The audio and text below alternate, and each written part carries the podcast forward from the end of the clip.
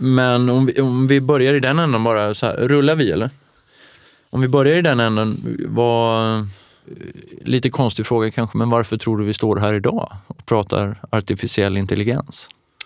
Eh, alltså det som har hänt de sista åren är ju att man har, alltså AI är ju inget nytt begrepp. Det har ju funnits ganska länge. Men det man har adderat som en slags ingrediens till AI är ju data. Eh, så att vi hade ju inte lika mycket data tillgängligt förut. Och det har ju också gjort att många av de AI-idéer man har haft har inte funkat. Och det har varit en lite vinter kring AI-området eh, under många år. Men nu är man ju tillbaks med mycket data och då har det ju blivit sommar igen och man har hittat nya algoritmer och man forskar mycket på det. Så att eh, kombinationen och resultaten som vi ser är ju det som gör att vi står här idag. Mm. Och eh, jag vet att eh, när vi, vi mejlade lite så sa du att eh, det är, det är en perfekt tid för att lansera en sån här podd. För att nu börjar det slå igenom lite sådär. Mm. Kunde man läsa mellan raderna när, mm. när du skrev. Mm. Till och med populärpressen pratar om artificiell mm. intelligens och mm. domedagsprofetior. Mm. Hur, hur ser ditt jobb ut dagligen när det här har lyfts upp på tapeten? Alltså AI, man kan ju prata om AI på så många sätt. Det är ju som du säger, inom, inom populär press så är man ofta dystopisk. Då är det ju framtiden och robotar eh, tar över.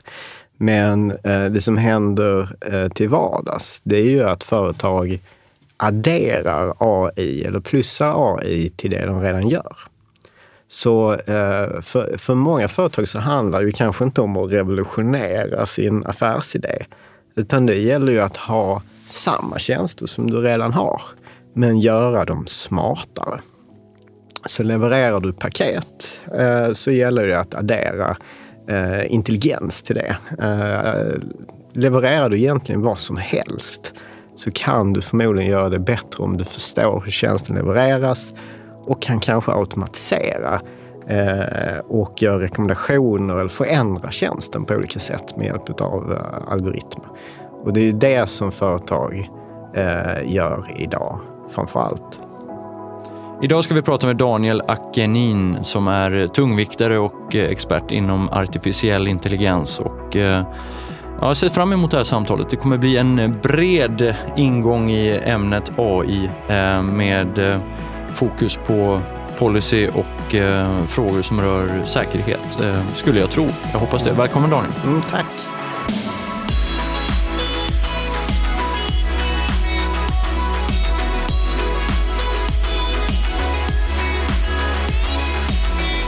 Daniel Akenin är fysiker och tidigare forskare inom neurofysik. Han arbetar idag på Microsoft som teknik och säkerhetschef och ansvarar för tekniska policyfrågor och säkerhetsfrågor. Han är initiativtagare till policyprojektet addai.org och när man börjar researcha Daniel så verkar han vara en riktig tungviktare inom AI. Men om vi börjar här Daniel, vad, vad betyder AI för dig? Ja, eh, det finns ju många eh, slags definitioner för AI naturligtvis. Och det är väldigt många som använder AI-begreppet idag. Mycket för att eh, kanske göra extra reklam för sin tjänst eller produkt. Då. Men jag tror att AI är inte så himla komplicerat och det perspektivet. AI handlar om någon typ av tjänst eller funktion som du upplever vara intelligent. Upplever ha en viss, vissa mänskliga egenskaper nästan. Eh, och det kan du få på massa olika sätt. Alltså AI behöver inte handla om eh, tunga dataanalyser. Det kan ju också vara rena algoritmer som inte använder data till exempel. Så AI kan se lite olika ut, eh, men jag tror det handlar om upplevelsen för dig som, som är användare. Så förstår jag dig rätt här, AI per definition, det finns ingen liksom speciell kod som är som en, eh, vad ska man säga, PHP eh, HTML eller AI-kod? Nej. Nej, så kan man ju inte säga. Det Nej. är ett väldigt, väldigt flytande, flytande begrepp såklart. Just det. Ja. ja. men då har vi rätt ja. ut det. För det ja. där är viktigt att. Eh, att vi får rätt definition på det. Så att eh, artificiell intelligens i sin helhet kan, eh, kan också vara väldigt enkel som du säger.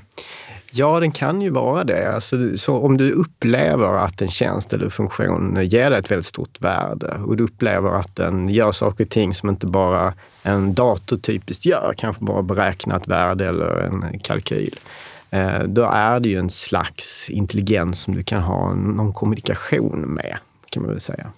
Upplever du att eh, företag och organisationer idag använder AI eller används det lite slarvigt idag i vissa sammanhang, just som du säger, mm. för att kanske sälja in någonting som mm. faktiskt inte är AI? Mm. Eller? Ja, så är det ju absolut. Så om du skulle göra en sökning på en sökmotor idag efter AI och olika typer av tjänster så kommer du märka att det är väldigt många som, som kopplar det eller gör om sitt varumärke på något sätt till Eh, till AI. Eh, och mycket av begreppen har ju fl alltså flutit runt under många år också. Jag menar för eh, några år sedan så pratade vi mycket om big data och liksom förmågan att kunna analysera datamängder och korrelera de här datamängderna också.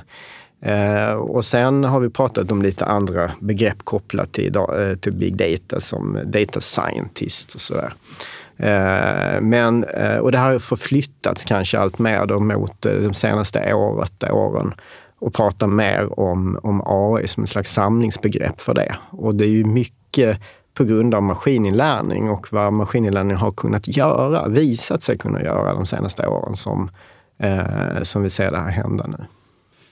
Eh, och medan vi ändå har dig här, ett begrepp som oftast förekom, eller som förekommer ofta i samband med AI eller kanske vid sidan om, så här, men som man läser väldigt mycket om just nu, det är det här med blockkedja. Mm. Du som håller på med data, mm. kan inte du förklara vad, mm. vad, vad, menas med blockkedja? Alltså blockkedja och Engelska A, block, blockchain. Mm. Och AI har ju inte egentligen någonting med varandra att göra skulle jag säga. Det är två olika begrepp. Då. Och blockkedja är inte så himla lätt att förklara i en mening, men det är en slags, man skulle kunna förklara det som en, en slags distribuerad databas. Eh, som på många sätt eh, det finns ju också en hype kring blockkedja just nu, mm. på samma sätt som det finns kring AI.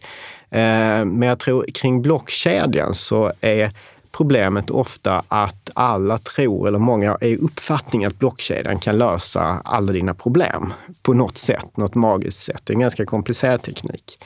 Men många missförstår också väldigt mycket vad potentialen är för blockkedjan idag. Man har ett slags problem som man inte riktigt förstår kanske och sen förstår man inte heller blockkedjan och så försöker man kombinera dem. Så det är ganska få problem ändå som blockkedjan passar in bra på att lösa. Och man måste verkligen titta på scenarierna i detalj innan man förstår, är det här någonting som blockkedjans egenskaper passar bra in eh, i eller inte? För det är en ganska dyr lösning med blockkedja. Det är en ganska långsam lösning eh, faktiskt. Så att eh, blockkedjan är inne i en jättestor hype just nu, men jag tror att vi kommer att se det sätta sig lite grann när vi ser de riktiga use casen som använder sig av den. Kan du bara för lyssnarna här som inte förstår någonting om teknik, mm. hur kan man applicera blockkedja? Ja, blockkedja, man kan säga det mest kända blockkedjeexemplet, det är ju bitcoin. Mm. Och det är ju ett exempel på en, en blockkedja. Och där har man ju lyckats med att lösa ett antal olika problem som är kopplade till eh, finansiella transaktioner, egentligen överförande av eh, värde. Och speciellt överförande av digitala värden, som är ju ganska svårt problem. Därför att om jag vill skicka dig eh, några byte eh, data och det har ett värde, så finns det ingenting som säger att jag inte skulle kunna skicka om det till någon annan och överföra samma värde två gånger. Eh, så det kan du inte göra med fysiska saker som liksom sedlar. Men eh, blockkedjearkitekturen i förhållande till just bitcoin-arkitekturen har lyckats lösa det problemet. Så att det har varit ganska framgångsrikt och ett bra exempel på att eh, tekniken faktiskt eh, funkar. Då. Men det är en ganska unik situation också. Du har många finansiella aktörer, mycket stort finansiellt incitament att till exempel då eh, det man kallar för mina eller gräva eh, eh, i den här blockkedjan. Vilket gör att du då kan upprätthålla den här säkerheten i blockkedjan. Och i många privata blockkedjor som man sätter upp och i andra typer av arkitekturer som inte är kopplade till blockchain så ser förutsättningarna annorlunda ut. Du kanske inte har den här automatiska säkerheten att inte kunna ta bort eller förändra saker och ting i en blockkedja. Och där missuppfattar väldigt många kring vad en blockkedja utanför det som man är känt kring, kring bitcoin faktiskt kan göra. Ja, blockkedje, det här segmentet om blockkedja blir en bonus för er lyssnare helt enkelt. Det är, eh, det är, ju, det är ett begrepp som du säger som förekommer väldigt mycket nu i eh, medier, kanske lite snäva medier så om man tänker på eh, ja, populärpress kanske det inte skrivs jättemycket om just blockkedja, men däremot bitcoin som mm. du säger. Daniel, om vi går tillbaks lite du, eh, till dig. Du är ju fysiker och du har ju ett en historik eh, inom eh, neurofysiken. Mm. Och eh, arbetar idag som säkerhet, teknik och säkerhetschef på Microsoft. Och Microsoft känner ju de flesta till, får vi hoppas och förvänta oss. Vad, vad består ditt dagliga arbete av på Microsoft? Om vi börjar där. Alltså mitt arbete handlar ju mycket om att titta på hur ny teknik kan användas på ett eller annat sätt i samhället och vad det får för påverkan på olika saker i samhället. Så jag har eh, både den typen av roll, att titta på impact av teknik i samhället, men också mycket fokus kring säkerhetsfrågor. Eh, därför att säkerhetsfrågor har på många sätt exploderat i, i vikt eh, de senaste åren. Då. Och det handlar ju framförallt om att man flyttar ut data i molnet och det ställer allting på sin spets, eller mycket på sin spets. Och det är andra aktörer och det är mycket mer komplicerat. Så mitt, var, till, mitt vardagliga arbete handlar väldigt mycket om att prata med människor, förstå teknik, förstå vad som händer i Sverige, arbetar mycket med säkerhetsfrågor eh, i förhållande kanske till finanssektorn eller andra eh, aktörer som är väldigt intresserade av säkerhetsfrågor generellt sett. Och på vilket sätt i det arbetet pratas det om artificiell intelligens? Ja, det pratas egentligen inom alla områden, men man kan ta till exempel då säkerhetsområdet. Där pratar man väldigt mycket om artificiell intelligens idag. Eh, och det handlar ju om att man Alltså, det blir ju allt mer komplicerat att skydda sig emot attacker till exempel. Eh, det är mycket så här sociala attacker eh, och andra typer utav, av bedrägerier ofta. Då. Ehm, och de här typerna av attacker eh, måste du börja i högre utsträckning implementera funktion, funktioner som är kopplade till AI för att kunna skydda dig mot. Så eh, vad som vi ser hända nu, det är ju att det är väldigt mycket mer analyser på data om ditt företag. På Microsoft använder vi till exempel någonting som kallas för Microsoft Security Graph. Eh, det vill säga en, en, en stor databas egentligen, kopplad databas med otroligt mycket information om vad som händer i ett företag, hur du loggar in det normala beteendet, Eh, vilket innebär att du kan ska, skapa en slags normaliserad eh, nivå av hur saker och ting funkar.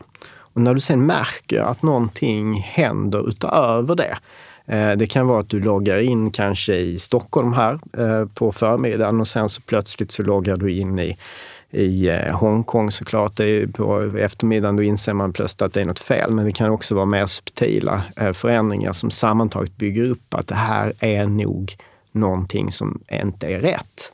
Eh, och det handlar väldigt mycket om att använda AI för att upptäcka då att någon har ett intrång och gör konstiga saker i ditt företag. För det stora problemet är det är ett stort problem att folk attackerar och kommer in i företaget, men det måste man ändå vara beredd på. Den stora problembilden idag, som många företag har, det är att de upptäcker inte att det har hänt. Vilket innebär att det kan gå månader, halvår, kanske upp mot ett år innan du upptäcker att du har faktiskt eh, haft ett intrång eller att det finns ett intrång. Eh, så mycket fokus idag kring säkerhet ligger på AI för att förstå, upptäcka och korta den tiden till upptäckt. Sker det här på daglig basis, skulle du vilja säga? Ja, det gör det. Och där, eh, många leverantörer idag eh, lägger då på AI-funktionalitet för att analysera de här datamängderna för att förstå, eh, förstå när någonting händer och helt enkelt sälja den förståelsen som en, en kunskap, en tjänst. Om man ska lyfta ner det där lite så kan man tänka sig, eh, precis som du sa, logga in på en dator eller använda ett kort på en tjänst eh, någonstans här i Sverige och sen på eh, eftermiddagen så används det i Afrika och mm. då finns det någon slags eh, AI-funktion som kanske analyserar all den där, mm. alla de transaktionerna och märker att men, här är något skumt. Mm. Uh, och, och då följdfråga där, när du pratar om eh, nyanser av det här. För det kan ju faktiskt ske. Du kan ju mm. flyga härifrån till mm. Hongkong och använda, mm. gå på restaurang och, och mm. logga in. Eller, mm. så här, men, men det måste ju finnas något smart filter här som verkligen säger att Nej, men du brukar inte köpa Coca-Cola för 30 000 mm. eller vad det nu kan vara. Mm. Förstår du vad jag menar? Ja, nej, precis. Och, det, och tidigare jobbade man mycket med att sätta mer hårda gränser för det. Du kanske säger, ja men om du handlar över 30 000 så mm. kommer du då flagga. Handlar du för 12 så är det okej. Okay. Men eh, maskininlärning och AI är, är, har inte den typen av här, exakta gränser på samma sätt, utan där kan man lära sig och förstå vad är det som är normalt och när börjar det komma utanför det normala. Och då behöver det inte vara så heller att du blir utestängd eller du får liksom en, en, eh, ett jättehårt straff plötsligt för att du har handlat en Coca-Cola för mycket. Utan du kan istället långsamt höja säkerhetsnivån i företag. Så att traditionellt sett så kanske du kan logga in dem med din dator och använda det när du sitter hemma i en miljö som, som datorn är van vid och systemet upptäcker att det här är, en, är liksom en säker miljö.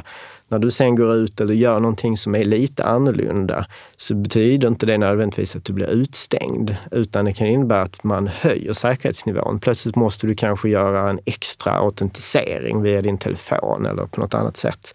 Så att man höjer liksom förtroendet i en mer osäker miljö. Så den här gränsen är lite flytande, men det är också flytande eh, eh, sätt du kan agera kring eh, olika nivåer. Just det, nu börjar jag förstå lite vad du gör. Mm. För nu börjar jag tänka i de här termerna att eh, ja, men det är många, eh, man har många vänner och sådär som jobbar på storbolag och de får inte sitta hemma och jobba mm. en del. Mm. För att det, ja, de måste logga in och sådär. Men nu när du nämnde det här med att ja, men, eh, ett system kan faktiskt känna till om det är en, en, en säker miljö eller man kanske har... Ja, ja men bra, bra mm. exempel. Bra mm. exempel. Um, du är ju också initiativtagare till eh, det som heter Add AI som eh, är ett policyinitiativ. Kan du berätta lite om det? addai.org. Ja, precis. Ja, eh, vad vi har upptäckt, många som arbetar i den här branschen, eh, det är ju att många av de här frågorna kring eh, artificiell intelligens är ju inte bara teknik.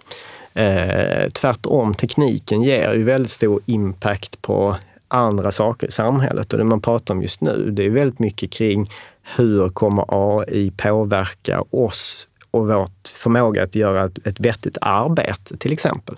Om vi säger att artificiell intelligens blir skickligare och skickligare, vilket det blir, på att göra eh, många mänskliga arbetsuppgifter, där människor tidigare har kunnat liksom utföra ett arbete, så får ju det konsekvenser. Vi ser att eh, Eh, till exempel inte kanske chaufförer kommer att vara ett framtidsyrke i framtiden, utan även de som är chaufförer idag kommer att behöva eh, om, ombildas och utbildas eh, till något annat yrke. Och det kommer innebära för samhället att många yrkesgrupper och kategorier, kanske under de närmsta 10-15 åren, då kommer behöva eh, skaffa sig andra arbetsuppgifter. Och det blir en stor impact på samhället. Eh, dels kring att vi kanske får väldigt många mer människor som inte behöver jobba, vilket kan, vilket många i och för sig ser som väldigt negativt, men kan ju också vara eh, ganska positivt. får man ju tänka sig. Många är väldigt stressade idag. Eh, du jobbar väldigt mycket, du har ett livspussel och eh, får se till att det ska gå samman. Eh, och det kan ju också vara så att om du kan få samma produktivitet i ett samhälle utan att jobba 40 timmar i veckan, kanske bara jobba 30 eller 20, eller att under perioder i ditt liv inte jobba alls, så innebär det också en stor potential. Så, och jag tycker det är ett bra exempel kring där AI kan i många sammanhang skapa negativa effekter.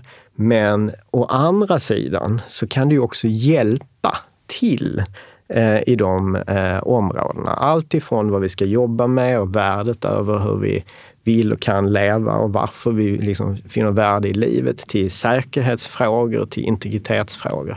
Eh, så det är ett väldigt stor spännvidd och det är därför som vi eh, har, skapat det här eh, Add AI-initiativet och det är just för att samla Eh, experter kring eh, sociologi, experter kring eh, juridik till exempel och teknik och konsumentbeteende för att starta en, en, diskussion kring de här frågorna. Vad är det som är problembilden till exempel för eh, juridik i förhållande till ansvar och AI? Vad är det som är problembilden när vi kanske slutar eller jobbar mindre och sådär? Eh, och försöka identifiera de problemen och börja diskutera eventuella lösningar. Ni eh, publicerade en eh, debattartikel i Svenska Dagbladet i mellandagarna eh, mellan 2017 och 2018. Eh, och jag ska citera slutet på den. Eh, ni kan läsa den online, men eh, ni skriver så här. Ska vi nå framgång som nation krävs att regeringen nu skapar en bred strategi inom området och samlar olika typer av aktörer med intresse för AI. Det nya initiativet addai.org är en av flera sådana aktörer. Vi har som mål att lyfta diskussionen om AI brett inom det tekniska, juridiska och sociala områden och detta kommer vi att göra med energi då vi anser att frågan om vad det innebär att vara människa aldrig varit viktigare än nu. Hur resonerar ni när ni skriver så, att det aldrig är mer intressant att vara människa än nu? Ja, anledningen är ju att vi befinner oss i en otroligt intressant punkt i mänsklighetens historia faktiskt. Eh, där vi plötsligt börjar kunna använda teknik för att eh, förstärka oss själva, till exempel. Jag tror att i den debattartikeln tar vi upp ett exempel på att eh, med väldigt stor sannolikhet kommer du och vi alla kunna ha mobila implantat, till exempel mobiltelefoner som kan hjälpa oss på ett eller annat sätt. Och det skriver ni att det är inom sju år, det är, beräkningarna? Ja, man eh, tittar på det och det är ju inte speciellt lång tid. Så att under fem, sju, tio år kommer ju otroligt mycket hända inom de områdena. Så att saker och ting händer ju nu. Det är inte så att det ligger speciellt, speciellt långt fram, eh, fram i tiden. Och det där ställer, till, eh, eller ställer oss inför väldigt många näst, nästan filosofiska frågor kring vad det innebär då att vara människa. Därför att eh, i det exemplet där tror jag vi, som vi tar upp så kommer till exempel studenter att kunna använda sig av mobila implantat för att bli bättre. För mm. att minnas bättre, för att få hjälp, för att kunna få hjälp helt enkelt i den uppgiften som man äh, ställs inför. Och det är ju bra, det förstärker din mänskliga förmåga eh, och gör dig på många sätt som en, en, en bättre människa. Men det innebär ju också att människor som inte väljer att använda sig av den tekniken. Eh, det kan ju finnas mängder av olika skäl. Man vill inte, man anser inte att det är, är, är rätt integritetsmässigt och det är många som inte kommer att använda det. Det kan vara ekonomiska skäl också. Eh, kommer ju då, alltså eh, skillnaderna mellan människor som väljer att använda tekniken då, kroppsnära till exempel, kommer ju då blir större i förhållande till folk som inte väljer det. Så du kommer få nya klassklyftor. Hur gör man i en skola om 10 procent av eleverna använder sig av mobila implantat? Hur ska man kunna ge betyg i en sån situation? Är det fusk att använda det eller inte? Det är ju inte egentligen fusk. Så att eh, vi befinner oss i en, en, eh, i en, vad man brukar kalla på engelska inflection point, då, som är väldigt, väldigt intressant. Och nu kan jag tänka att många av er lyssnare där hemma eh, sitter lite och fnissar för er själva att det där kommer ju aldrig hända. Men eh, du är helt övertygad om att ja. det här kommer vara frågeställningar som vi pratar om om tio år? Absolut. Man kan mm. väl säga som så här, allting som teoretiskt sett kan göras, kommer att göras. Mm. Och den här typen av lösningar kan göras, så det kommer också göras. Och när vi pratade lite på telefon, när vi samtalade om, om den här intervjun, så så blev jag lite sådär, jag, jag frågade mig själv, men varför ska vi göra det? Måste vi göra det? Och det tyckte du var ganska intressant. Ska, ja. är, är, är det här en naturlig väg framåt? Måste vi göra det här med oss själva? Ja, nej, men vi måste ju inte nödvändigtvis. Vi har ju såklart eh, individuella val, men vissa eh, kommer ju att vilja förstärka sig själv och använda AI på, på olika sätt. Och jag tror AI generellt sett, ibland möter man ju bilden att eh, om AI nu eh, ser till att få bort, man pratar om att ungefär hälften av alla jobb i Sverige kommer att försvinna på, på lite sikt. Om det nu får de negativa konsekvenserna, då kanske vi inte ska implementera AI. Då kanske vi ska förbjuda AI om vi ser den typen av effekt. Men så fungerar ju inte samhället och tekniska innovationer. Det är ju inte så att du kan förbjuda en grävskopa till exempel när du ska bygga ditt hus. Därför att det skulle skapa mycket mer jobb för om tio personer stod och grävde med en spade eh, i tre månader. Så man kan inte förbjuda produktivitetsvinster eh, på det sättet. Då. Så att eh, jag tror ingen egentligen vill sätta ett, ett, stopp för tekniska innovationer. Utan man får snarare titta på vad blir konsekvenserna av att implementera de här? Är de väldigt, väldigt farliga och skadliga och skapar en stor risk för mänskligheten? Då bör man ju titta på förbud. Eh, och det är framförallt till exempel inom eh, autonoma militära vapen. är ett bra exempel på där eh, det faktiskt kan ställa till väldigt stora problem. Och vem driver de frågorna och ser till att eh, det drivs igenom förbud på dem? Vems ansvar är det?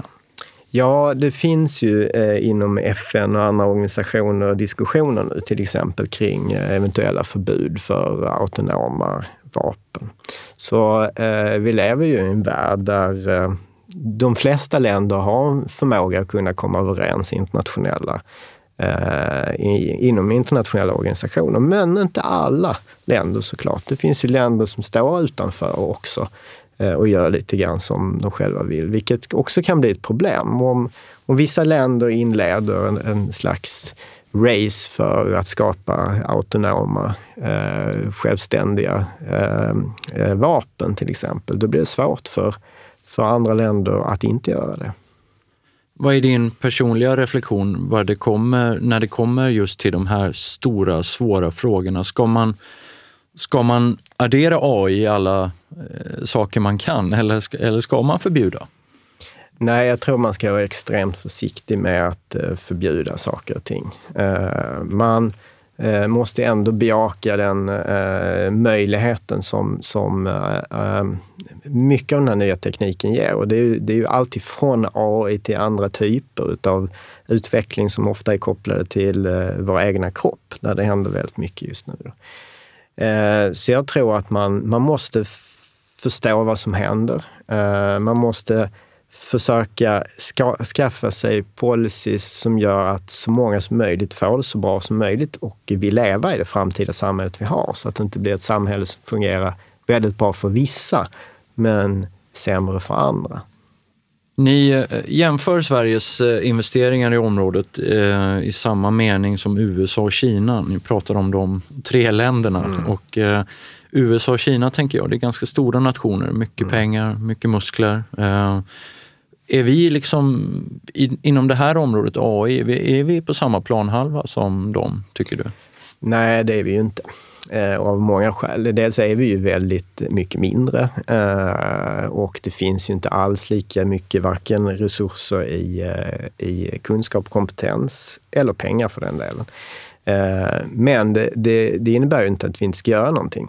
Och jag tror att när vi jämför, när vi jämför oss med Kina och USA, så jag menar Kina gör enormt stora investeringar kring artificiell intelligens just nu. Eh, mycket pengar som går in och stora visioner också där man ser framför sig att leda den här utvecklingen. Eh, men vad jag tror Sverige behöver göra det är att förstå, eh, som så många andra länder som är mindre i en stor, stor nätverksekonomi, då, vad är det som är styrkan för Sverige? Då? Vad skulle vi kunna bidra med? Finns det någon speciell nisch som vi skulle kunna bli extremt framgångsrika inom? Så jag tror om man kan hitta den typen av nischer som passar väldigt väl in i Sverige eh, så kan man ju vara världsledande inom den nischen. Men det är ju svårt naturligtvis att bli en eh, världens största globala spelare kring, eh, kring AI. Men det gäller att förstå vad är det Sverige är bra på och vad kan vi applicera det i förhållande till AI? Um, ehm, jag tänker, du reser ju runt mycket och eh, du föreläser ju. Och, men när du pratar om länder som Kina och USA, har de liksom hittat sina nischer? Vet de, eller, eller vet de bara att de ska bli bäst på det här i alla ja, kategorier? Precis. Ja, men det är mycket man inte känner till kring AI också. Eh, eh, mycket av de här nya algoritmerna kring maskininlärning är ju någonting som eh, eh, det är inte, jag ska inte säga att det är början, men det är ändå otroligt mycket mer kvar att förstå hur de fungerar. Och man eh, forskar alltid från mer nischad AI till eh, mycket mer komplicerad generell AI som skulle kunna göra mer generella uppgifter och sådär. Så det är ett jättestort forskningsfält skulle jag vilja påstå.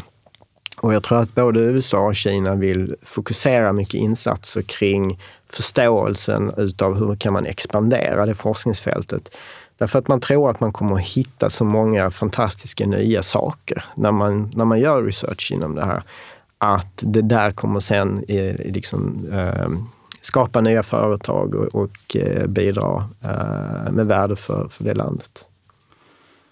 Den här podden är ju eh, så att säga en, jag brukar kalla det folkbildning inom eh, artificiell intelligens. Vi, på något sätt vill vi ju eh, vara tidiga med att eh, leverera svar på kanske frågor som har bollats upp i lyssnarnas tillvaro eh, om just ämnet AI. Eh, och eh, när vi pratar om det här om tio år, då kommer kanske alla förstå vad AI är för att eh, AI kommer kanske flytta in i hemmen som det redan har gjort på vissa ställen, eh, men också i vardagen på ett annat sätt. Och jag vet att du jobbar ju med eh, eh regeringen har tillsatt ett eh, de har ett uppdrag för, eller ni har ett uppdrag för att leverera en digitaliseringsstrategi. Har jag rätt? Ja, nästan. nästan. Jag sitter med en grupp som kallas för Digitaliseringsrättsutredningen. Eh, och då tittar vi framförallt kring hur lagstiftning fungerar i förhållande till nya digital, alltså digitalisering generellt sett kan man väl säga. Just det. Allt ifrån säkerhetsklassad information, hur det liksom fungerar i förhållande till att man också måste kunna digitalisera sig. Eh, men i en av de benen så eh, kommer också frågan kring automation och AI fram som en väldigt viktig del. Eh, det vill säga, man kan ju effektivisera den offentliga sektorn något enormt med, med algoritmer och med automatiserade beslut.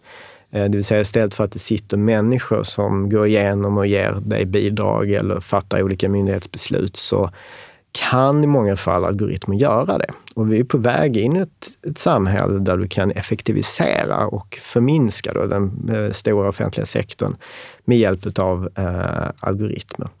Men då kommer man också in i en, in, en intressant frågeställning ju, och det är ju hur eh, om de här algoritmerna får lov att fatta de här besluten om oss som människor.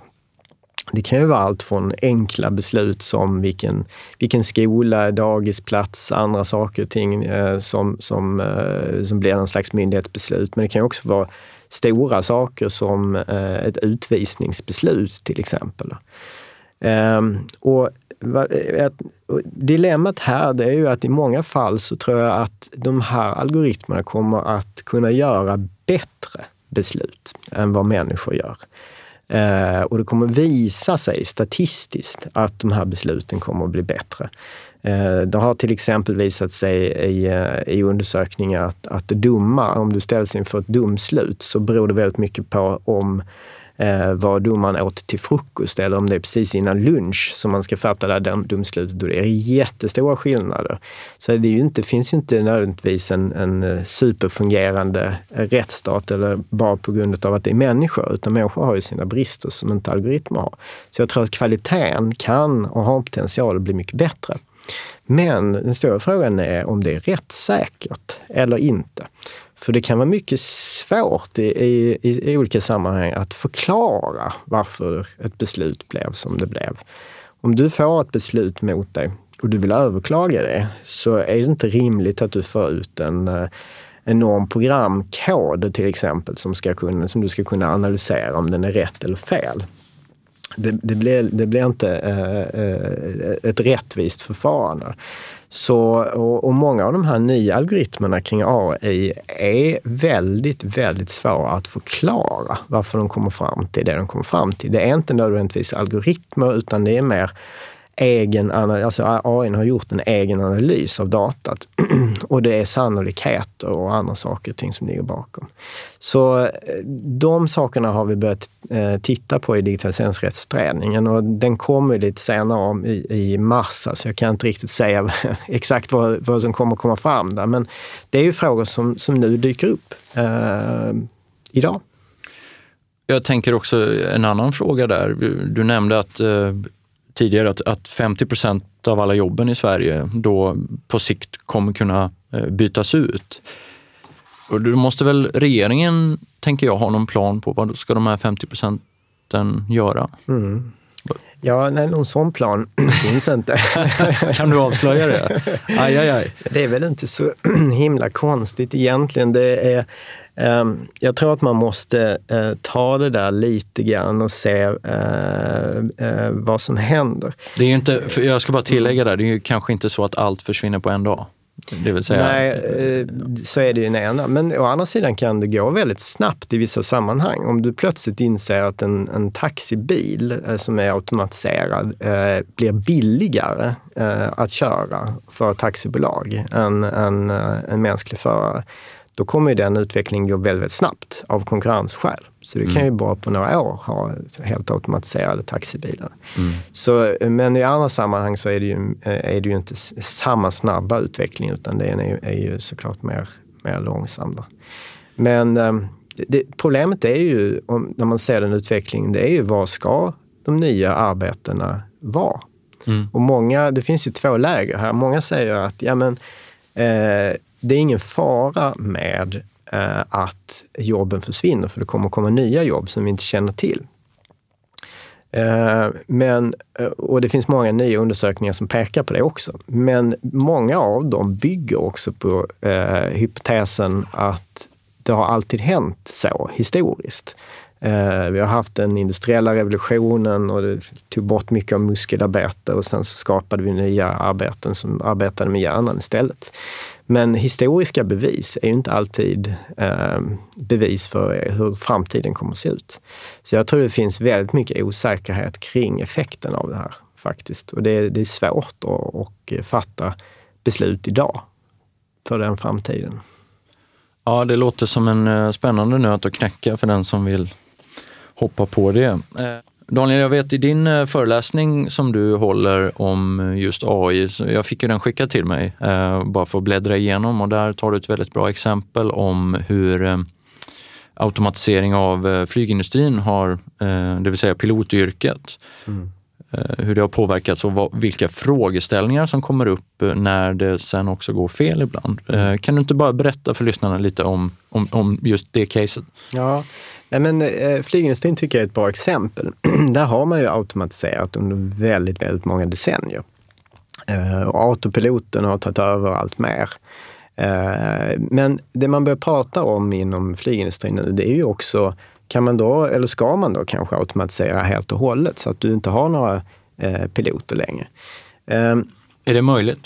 Eh, ja, det är ju lite grann frågeställningen. Eh, jag tror att i många case så eh, skulle ju en eh, autopilot vara bättre att hantera en situation än en pilot. Medan i andra mer komplicerade case så är det absolut inte så som är fallet. Till exempel att i en komplicerad nödsituation göra en, ta det här exemplet med, med The Hudson Miracle-incidenten. Eh, uh, där piloten behövde fatta mängder med beslut om att landa på vatten till exempel. Jag tror inte autopiloter är programmerade att kunna landa på vatten eller förstå ens hur den som landningsbana ser ut eller hur man ska reagera.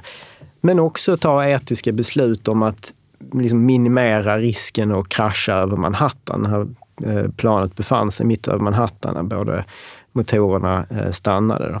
Så det finns mängder med komplicerade beslut när de går utanför den normala ramen för en autopilot eller ett program som människor är bättre på än vad eh, algoritmer är. Så eh, vad jag tror det är ju att det måste skapas en bra eh, kombination av människor och av algoritmer och AI. Jag tror att det är viktigt att de jobbar tillsammans. Därför att de har olika egenskaper och är duktiga på olika saker.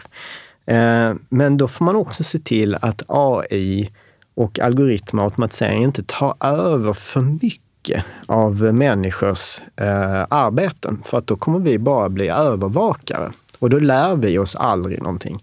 Och det man ser inom flygindustrin, det är ju att många incidenter så har piloterna agerat väldigt dåligt. När det har verkligen autopiloten har kopplats bort och du befinner dig i en väldigt stressad situation och du sällan flyger faktiskt på riktigt, så är du inte längre lika tränad som du kanske var när du satt och flög över Atlanten och höll i spakarna och lärde dig för liksom det här eh, eh motoriska minnet i händer och sådär.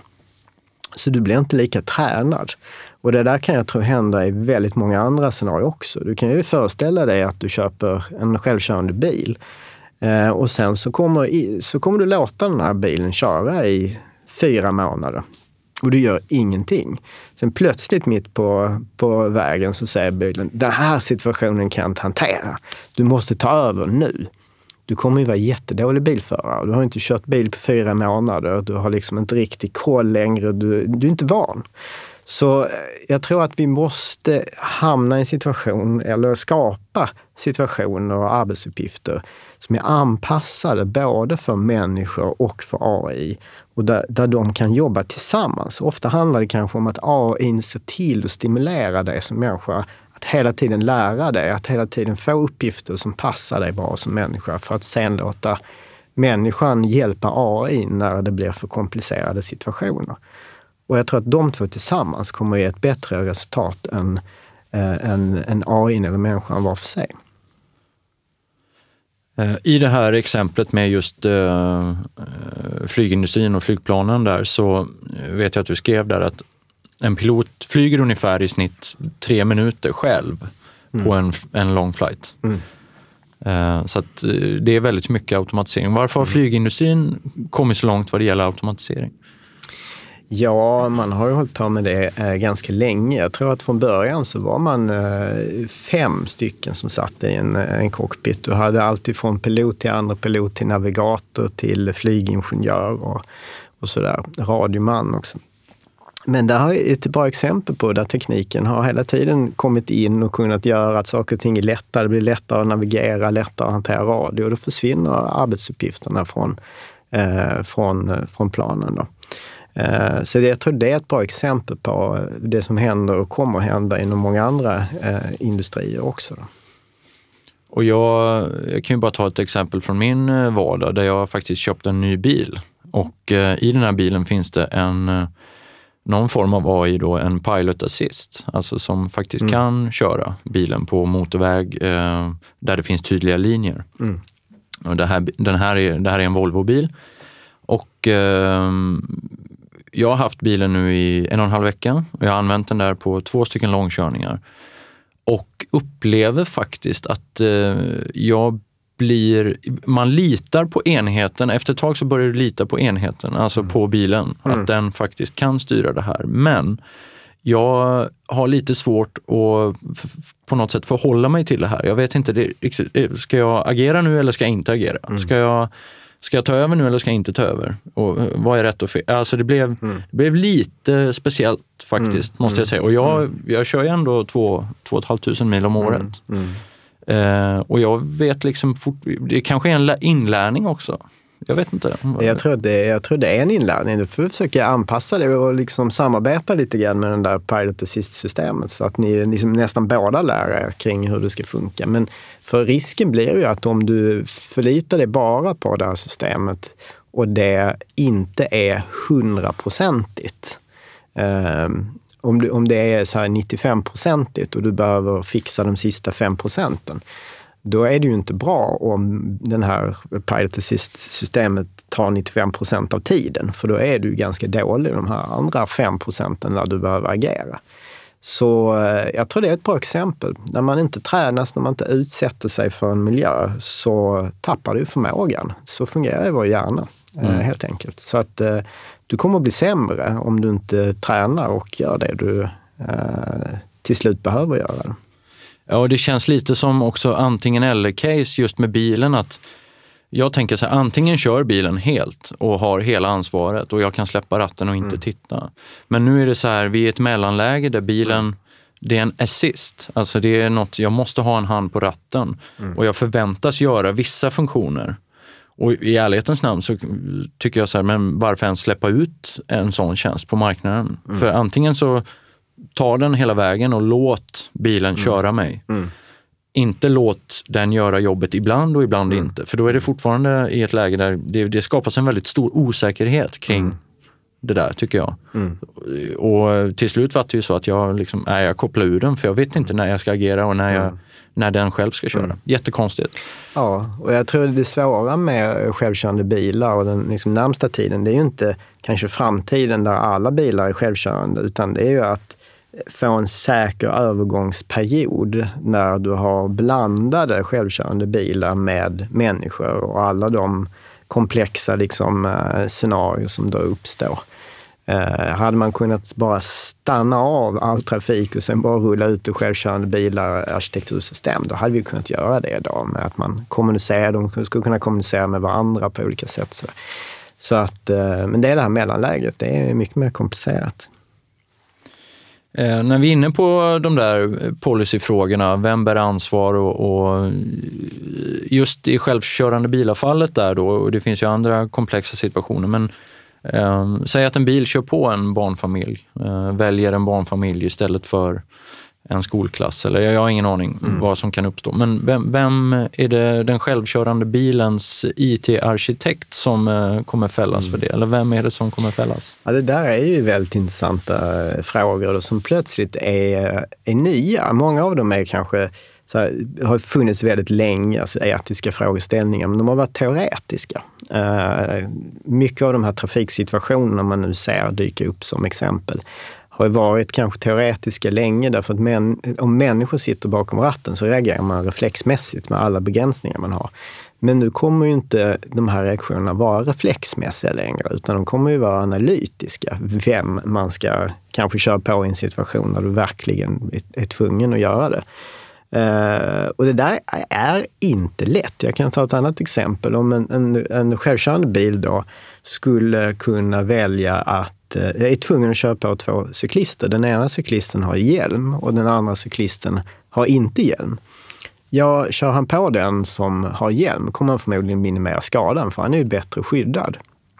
Men är det rimligt att eh, programmera självkörande bilar att köra på de som följer reglerna och de som struntar i att skydda sig och i praktiken då kanske cyklar olagligt eller kör motorcykel olagligt för ett bättre skydd av algoritmerna runt omkring en. Det är inte heller rimligt. Så eh, exakt hur man kommer landa i de där lite moraliska, etiska frågeställningarna är ju, det vet, tror jag inte vi riktigt vet. Men det, är, det, det måste kännas det som är, är mest rätt att göra för oss som samhälle. Och det kan ibland skifta lite grann naturligtvis. Men jag tror inte att det är programmerarens uppgift att fatta det beslutet. Eller det är det ju naturligtvis inte. Utan det där måste ju faktiskt diskuteras högre upp för oss som samhälle. Men jag tänker mig, jag som medborgare eh, jag vill ju förlita mig på dig, att du löser det här frågan, de här frågorna.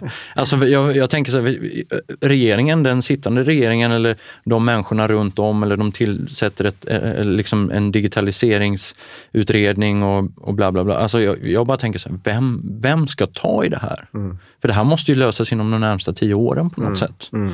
När de här produkterna, när den kommersiella marknaden börjar pressa ut de här produkterna på marknaden, så måste ju någon sätta policies för det. Mm. Precis, och eh, till syvende och sist kommer det ju vara en eh, kombination av till exempel tillverkare som går tillsammans och har dialoger med olika med policies eh, kring EU och, och eh, olika lagstiftning som till slut kommer att visa vem som har ansvar, till exempel i sådana situationer. Eh, för det är ju också där, vem har ansvar för eh, om en bil som du äger kanske eh, kör på någon annan? Är det du för att du äger den där bilen? Har du gjort något fel egentligen? Eller är det tillverkaren av den där bilen? Eh, och jag tror att det kommer att peka väldigt mycket mot, mot tillverkarna. Du kommer nog ha en, en hög utsträckning ansvar för, för vad dina produkter faktiskt skapar och gör. Men det är ju också så att vi som människor har mycket högre förväntningar på tekniken än vad vi har på människor. Så att när det väl händer någonting, när tekniken skadar människor på ett eller annat sätt, då har vi ju väldigt lite, alltså vi, vi, vi accepterar inte det. Men vi accepterar till exempel att en läkare kanske, en kirurg misslyckas i 4% av fallen, för vi säger att det där är mänskligt. Och vi, kan liksom, vi hade varit, gjort samma sak i, i den läkarens situation. Det kan inte bli bättre. Men om en robot till exempel opererar och har bara 1% felmarginal, ja, jag skulle hellre operera mig av den där roboten. Rent statistiskt så skulle jag hellre göra det. Men när det väl går fel, då kommer man ställa ansvar i mycket högre utsträckning mot tillverkaren av den där roboten. Så att varför gör människan så? Varför jag tror att man, man kan se sig själv i den situationen där man själv skulle ha gjort samma fel. Och man förstår att mänskliga egenskaper har en viss eh, begränsning. Men man har inte alls samma förståelse för att en algoritm eller en robot kan göra fel. För då menar man på att då är den felprogrammerad. Då måste det vara något fel i produkten som har gjort att, eh, att det blir ett fel. Så även om det summan blir mycket bättre för alla, så är det de här unika felen som jag tror kommer straffas mycket hårdare. Nu har vi ju pratat väldigt mycket om det här eh, hur AI, vilka problemställningar vi, vi kan ställas i, inför i framtiden och eh, eh jobb som kommer försvinna och så vidare. Men, men det måste ju också finnas lägen där vi som människor är väldigt mycket bättre än AI. Visst är det så Daniel? Ge oss mm. lite pepp nu ja, som människor. Absolut. Och det, så är det ju. Det är inte så att AI kommer att ta över världen, i alla fall. Man vet ju aldrig hur det ser ut om tusen år, men eh, på lite sikt. Då. Utan människor är ju så otroligt mycket bättre på att använda, eh, att förstå världen än vad AI är. Så jag menar den stora styrkan för, för människor och människor i arbetet, det är ju att förstå sin omgivning. Det vi upplever, vi ser, vi känner, vi luktar, vi har interaktioner med människor. Vi lär oss hela tiden om hur världen fungerar och världen är oerhört komplicerad. Och det är ju den kunskapen som vi sen kan applicera när vi har en arbetsuppgift att genomföra. Att landa på vatten till exempel det är någonting som vi förstår. Vi förstår hur vatten funkar, vi förstår hur moral funkar, vi förstår mängder av saker som inte AI har en möjlighet att förstå. Utan de är mycket mer inriktade på olika domäner med begränsningar.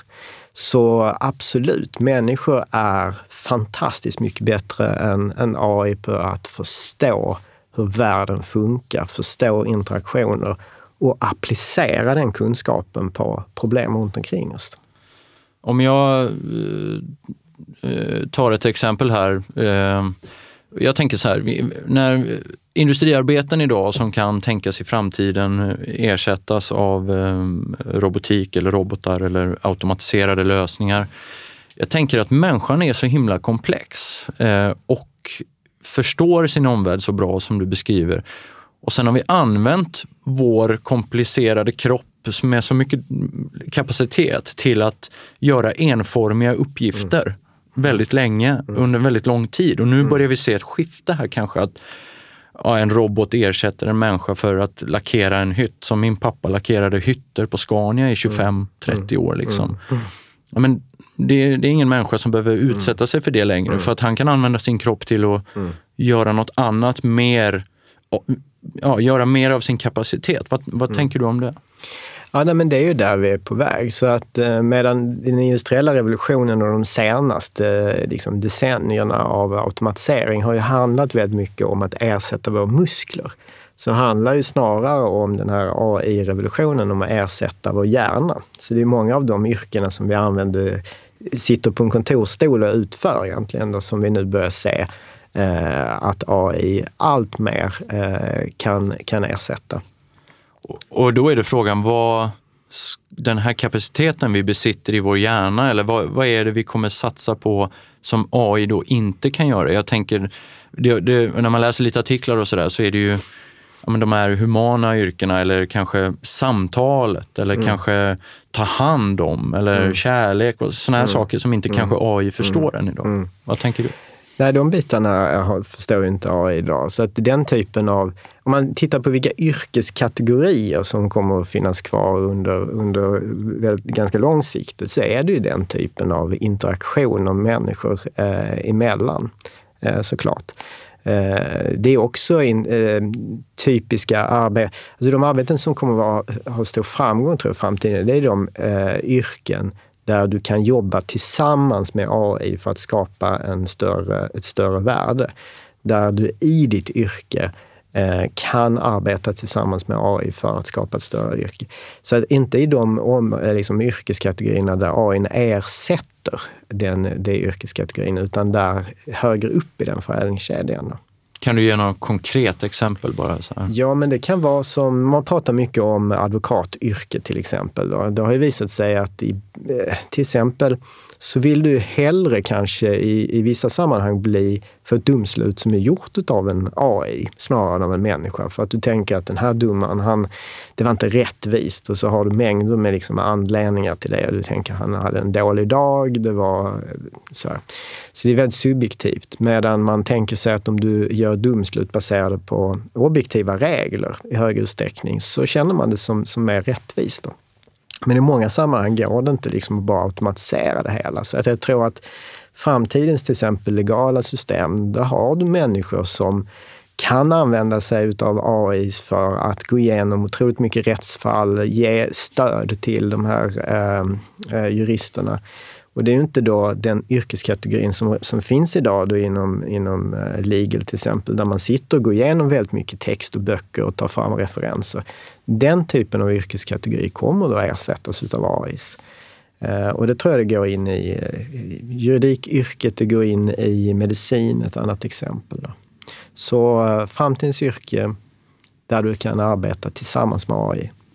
Daniel, på daglig basis, då, vilken enhet eller vilken situation använder du AI? Eh, jag själv? Ja. Alltså, jag tror vi använder det i eh, till exempel inom Netflix, ett bra exempel. Mm. Eh, vad är det du kommer att få för förslag eh, nästa gång du tittar på en film? Det är ju mycket komplicerat idag och blir hela tiden förfinat. Eh, och det är ju inte bara baserat på exakt den typen av film du hade tidigare, utan det är ju mycket mer komplicerat än, än, än så idag. Då. Så jag tror den här typen av rekommendationer över hur och när och liksom du, du ska konsumera saker och ting. Eh, du kommer att i högre utsträckning få robotrådgivning, AI kring finansiella rådgivningar till exempel, som är mycket mer anpassade för dig och det där börjar också komma. Vi ser bankerna börja implementera det här. Så jag tror att vi är på väg in i en värld där algoritmerna jobbar åt dig istället för att kanske jobba åt någon annan och då kanske du även är beredd att betala för att algoritmerna jobbar verkligen åt dig eh, i hög utsträckning. Så jag tror att i mängder av sammanhang, i framförallt din mobil idag, så finns det eh, AI-funktionalitet som du kanske inte alltid tänker på. Förutom Microsoft, eh, vilka tycker du, om du kan och får, säga några som jobbar med AI på ett väldigt bra sätt idag? Ja, nej men jag tror, det vill säga AI hända idag, det är ju egentligen eh, dels inom de stora eh, techbolagen, eh, men det är också inom, eh, inom medicinbolagen där du ofta har eh, kanske specialiserade inriktningar. Eh, ett bra exempel, det är ett företag som vi har jobbat med som heter eh, Lexplore som har jobbat med eh, barn som har eh, dyslexi och egentligen kunnat analysera eh, när och om man har dyslexi som barn. Eh, och eh, det är ett bra exempel på maskininlärning och på AI. Man sätter eh, helt enkelt barn, kanske en hel klass, som får läsa eh, text och sen så analyserar då datorn, tittar på hur dina ögon rör sig. Och så använder du den typen av rörelser eh, och förståelse över hur mönster ser ut eh, för barn som har dyslexi och de som inte har det. Hur ögonen rör sig över texten helt enkelt.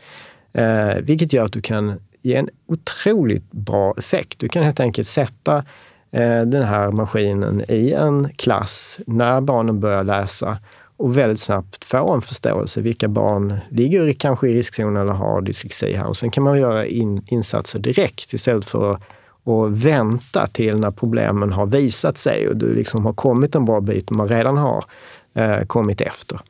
Så det tycker jag är ett jättebra exempel där det inte bara behöver vara eh, stora företag utan jag tror AI får den stora effekten när alla börjar använda AI, inte bara ett fåtal företag. Daniel, det var ju suveränt bra att ha dig här för du redde ju ut väldigt mycket frågetecken eh, för mig men också för våra lyssnare kan jag tänka. Vi fortsätter ju den här questen på att folkbilda eh, inom artificiell intelligens och hoppas att eh, podden kommer vara till hjälp eh, för många där ute att eh, försöka förstå här nya, den här nya världen vi, vi står inför. Daniel, är det något som du vill tillägga eh, i kontexten av det här? Jag tror vi har gått igenom det mesta. Bra. Eh, ni lyssnar som sagt på AI-podden och eh, vi tackar för att ni lyssnar. Tack. Tack.